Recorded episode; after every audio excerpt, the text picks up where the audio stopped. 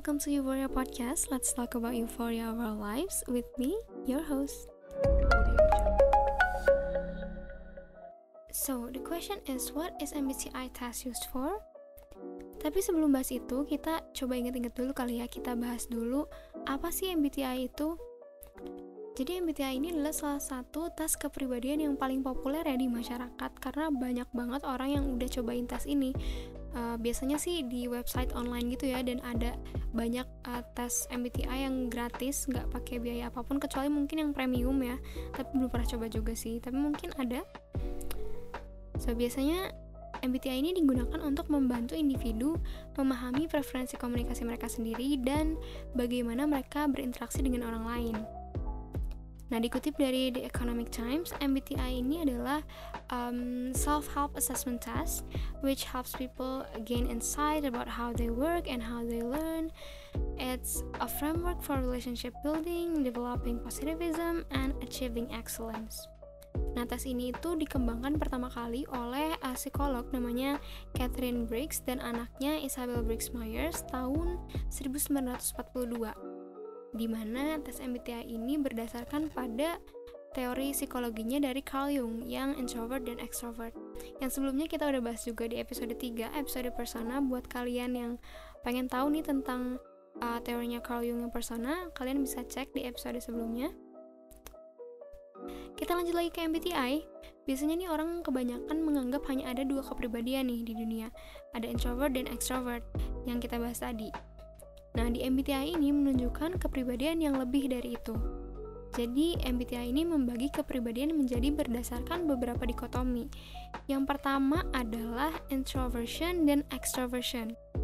Dikutip dari Psychopedia Binus University, introversion dan extroversion itu mengenai situasi bagaimana attitude seseorang menghadapi sebuah situasi. Ini juga tentang dari mana seseorang mendapatkan energinya. Nah, introversion nih contohnya cenderung memusatkan energi ke dalam dirinya. Dia ini cenderung menyukai kondisi yang tenang, lebih apa ya, refleksi terhadap apa yang dilakukan gitu. Nah, introversion ini lebih senang melakukan aktivitas yang sifatnya itu soliter. Maksudnya um, aktivitas yang dapat dilakukan sendirian tanpa bantuan orang lain. Contohnya kayak nulis, baca, dengerin musik, nonton film, main piano, atau mancing bahkan. Pokoknya aktivitas yang bisa dilakukan sendiri gitu. Nah, kalau extroversion ini pasti kebalikannya ya. Jadi cenderung melihat ke arah yang dari luar dirinya gitu.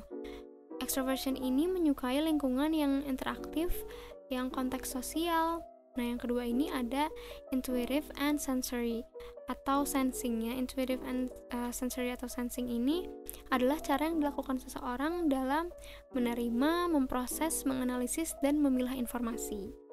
Untuk intuitif ini cenderung mengolah data melalui intuisi.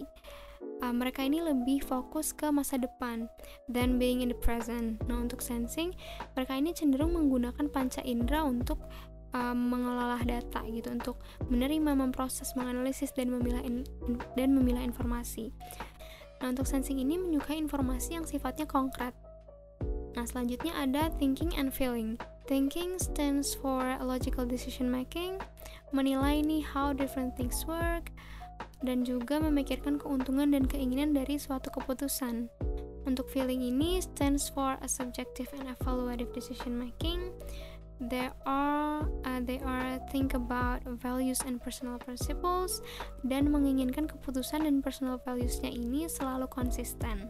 Nah untuk yang terakhir yang keempat ini ada judging and perceiving. Judging and perceiving is about how we handle the outside world. Jadi gimana kita menjalani kehidupan nih. Untuk judging itu biasanya seseorang yang organized yang lebih suka menjalani kehidupan yang terstruktur dan terencana. Untuk perceiving itu lebih suka uh, yang terbuka, yang lebih fleksibel dan lebih mudah untuk beradaptasi pada lingkungan yang beda-beda. Sebenarnya yang paling populer nih, berdasarkan artikelnya Forbes, banyak banget ternyata perusahaan yang menggunakan tes MBTI ini untuk karyawannya. Ada beberapa fakta nih, kayak kenapa perusahaan itu menggunakan tes ini? Karena katanya untuk membangun tim yang lebih kuat, yang lebih efektif, dan uh, perusahaan yang lebih sehat. Jadi informasi dari tes kepribadian itu membantu perusahaan untuk lebih memahami kekuatan, kelemahan, dan cara mereka memahami dan memproses informasi. Dan dari 16 tipe kepribadian MBTI ini, ah, setelah ditentukan, seorang karyawan ini biasanya memiliki pemahaman yang lebih baik tentang cara terbaik untuk mendekati pekerjaan, mengatur waktu mereka, memecahkan masalah, dan membuat keputusan bahkan mengatasi stres ketika mungkin mereka dalam pekerjaan menghadapi hal-hal yang sulit kayak gitu.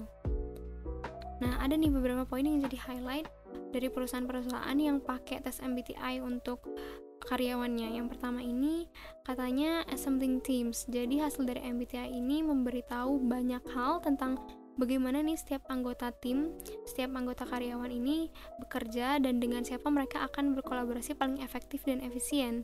Nah, untuk manajer yang menyusun tim dapat menggunakan informasi MBTI ini untuk memastikan nih tipe kepribadian yang tidak berbenturan dan kekuatan serta kelemahan yang bisa saling melengkapi. Nah, selain itu, tes ini juga dianggap bisa memfasilitasi komunikasi. Jadi bisa membangun komunikasi yang lebih baik antar satu sama lainnya. Nah, selanjutnya ada poin yang menarik sih katanya bisa memotivasi karyawan. Jadi katanya hasil-hasil dari tes MBTI ini bisa memotivasi karyawannya. Dari tes MBTI ini juga dinilai um, bisa mengurangi konflik gitu bisa meminimalisir konflik dan meningkatkan efisiensi di dalam pekerjaan. Nah yang terakhir ini menarik juga katanya tes MBTI ini bisa jadi untuk pengembangan kepemimpinan di dalam karyawannya kalian gimana? Setuju gak sih kalau tes dari kepribadian MBTI ini dijadiin salah satu dasar untuk penilaian di dalam perusahaan? Ini ada juga nih pertanyaan yang sama di salah satu platform sosial media dan jawabannya ini menarik sih, banyak yang menarik.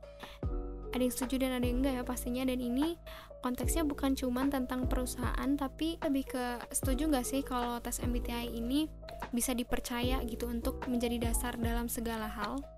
Nah ada jawaban yang menarik yang kontradiktif. Pertama dia bilang gak setuju karena katanya dalam ilmu psikometri ada konsep yang namanya validitas apa itu validitas? Validitas ini adalah ukuran sejauh apa alat ukur atau alat tes mengukur apa yang diniatkan untuk diukur. Jadi, dengan kata lain, apakah benar nih tes MBTI ini benar-benar mengukur kepribadian seseorang? Nah, MBTI ini validitasnya ternyata rendah nih dari salah satu penelitian ilmiah yang menyatakan MBTI ini adalah tes kepribadian yang buruk adalah penelitian yang dilakukan dari Universitas Melbourne. Jawaban lainnya ada nih katanya yang percaya sekitar 50 sampai 70% katanya. Soalnya katanya bukan sekedar cocokologi, tapi hasil tes itu sesuai sama pilihan yang udah dipilih. Makanya uh, cari tes yang tidak hanya ya atau tidak. Dan ketika uh, membaca penjelasan hasil tes katanya sama persis nih sekitar 99% akurat katanya gitu. Tapi ada banget nih uh, jawaban yang menurutku sangat sangat menarik banget.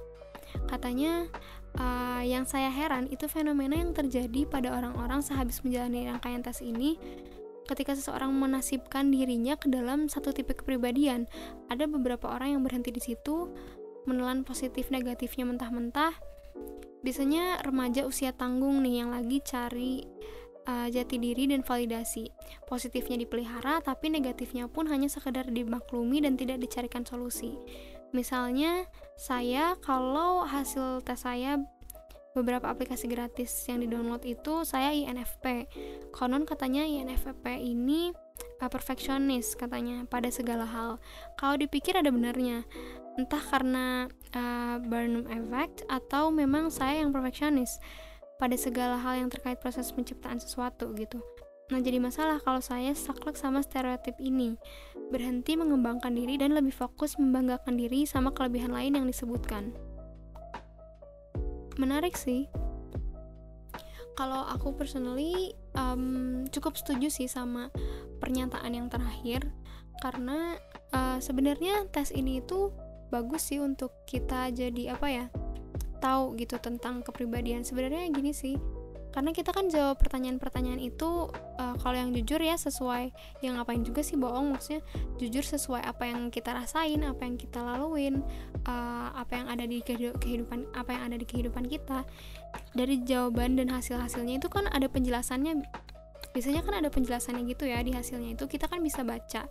Dan dari hasilnya itu mungkin kita bisa dapat pemahaman nih tentang hal-hal apa yang terjadi yang sebelumnya tuh kita nggak paham ini maksudnya ke mana. Mungkin kita nggak tahu istilahnya apa kita jadi tahu nggak um, yang sebelumnya kita ngerasain beberapa hal tapi nggak ada nih deskripsi uh, khususnya untuk menjelaskan uh, lebih detail ini tuh sebenarnya uh, kejadian apa. Mungkin di situ kita bisa lebih tahu gitu ya kita bisa belajar tentang oh ternyata uh, tentang kelebihannya ini tentang kekurangannya ini. Bahkan ada bukan cuma tentang kekurangan kelebihan aja tapi banyak hal-hal lainnya juga. Tentang karir maupun uh, relationship sama temen keluarga dan lain-lain. Itu mungkin bisa jadi suatu pembelajaran ya tapi untuk dijadikan suatu dasar uh, atas hal-hal tertentu itu kayaknya um, apa ya bisa uh, perlu untuk dipertimbangkan lagi sih. Karena kan untuk tesnya sendiri nih banyak nih orang ngejalanin tes berkali-kali dan hasilnya berubah-ubah. Itu wajar sih karena yang namanya juga hidup manusia pasti berubah-ubah lah ya. Karena pertanyaannya pun kalau mungkin yang udah pernah tes mungkin kebayang ya kayak gimana. Dan itu sangat-sangat mungkin untuk berubah-ubah gitu. Aku pribadi udah beberapa kali nyobain tes dalam jangka waktu yang berjauhan gitu ya. Yang rentan waktunya itu uh, nyampe tahunan mungkin. Dan terakhir kali itu bulan kemarin meskipun hasilnya itu selalu sama tapi um, persentasenya itu nggak selalu sama pasti ada aja yang beda. Dan apalagi yang hasilnya beda-beda gitu. Udah hasilnya beda pasti persentasenya juga beda. Dan itu ya nggak perlu dipermasalahin juga sih. Dan nah bener nih kata jawaban yang tadi pernyataannya bilang kalau kita misalnya malah menelan mentah-mentah nih negatif dan positifnya malah jadi kitanya saklek kitanya terjebak di stereotip tertentu di sini.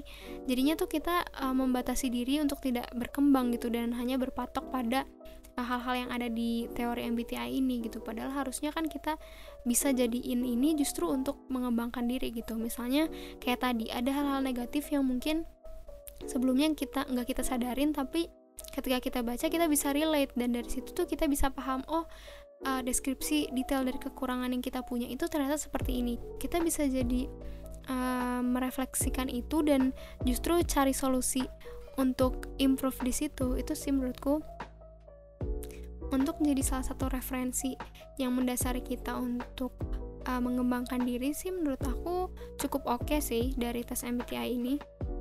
Kalau kalian sendiri gimana? Lebih ke setuju atau enggak? Atau mungkin punya opini yang sama atau mungkin beda? Let me know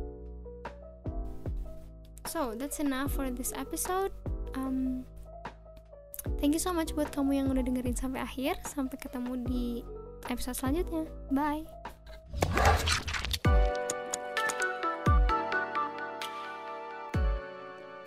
Hai, thanks for listening for your podcast. Sampai ketemu di episode selanjutnya. Bye.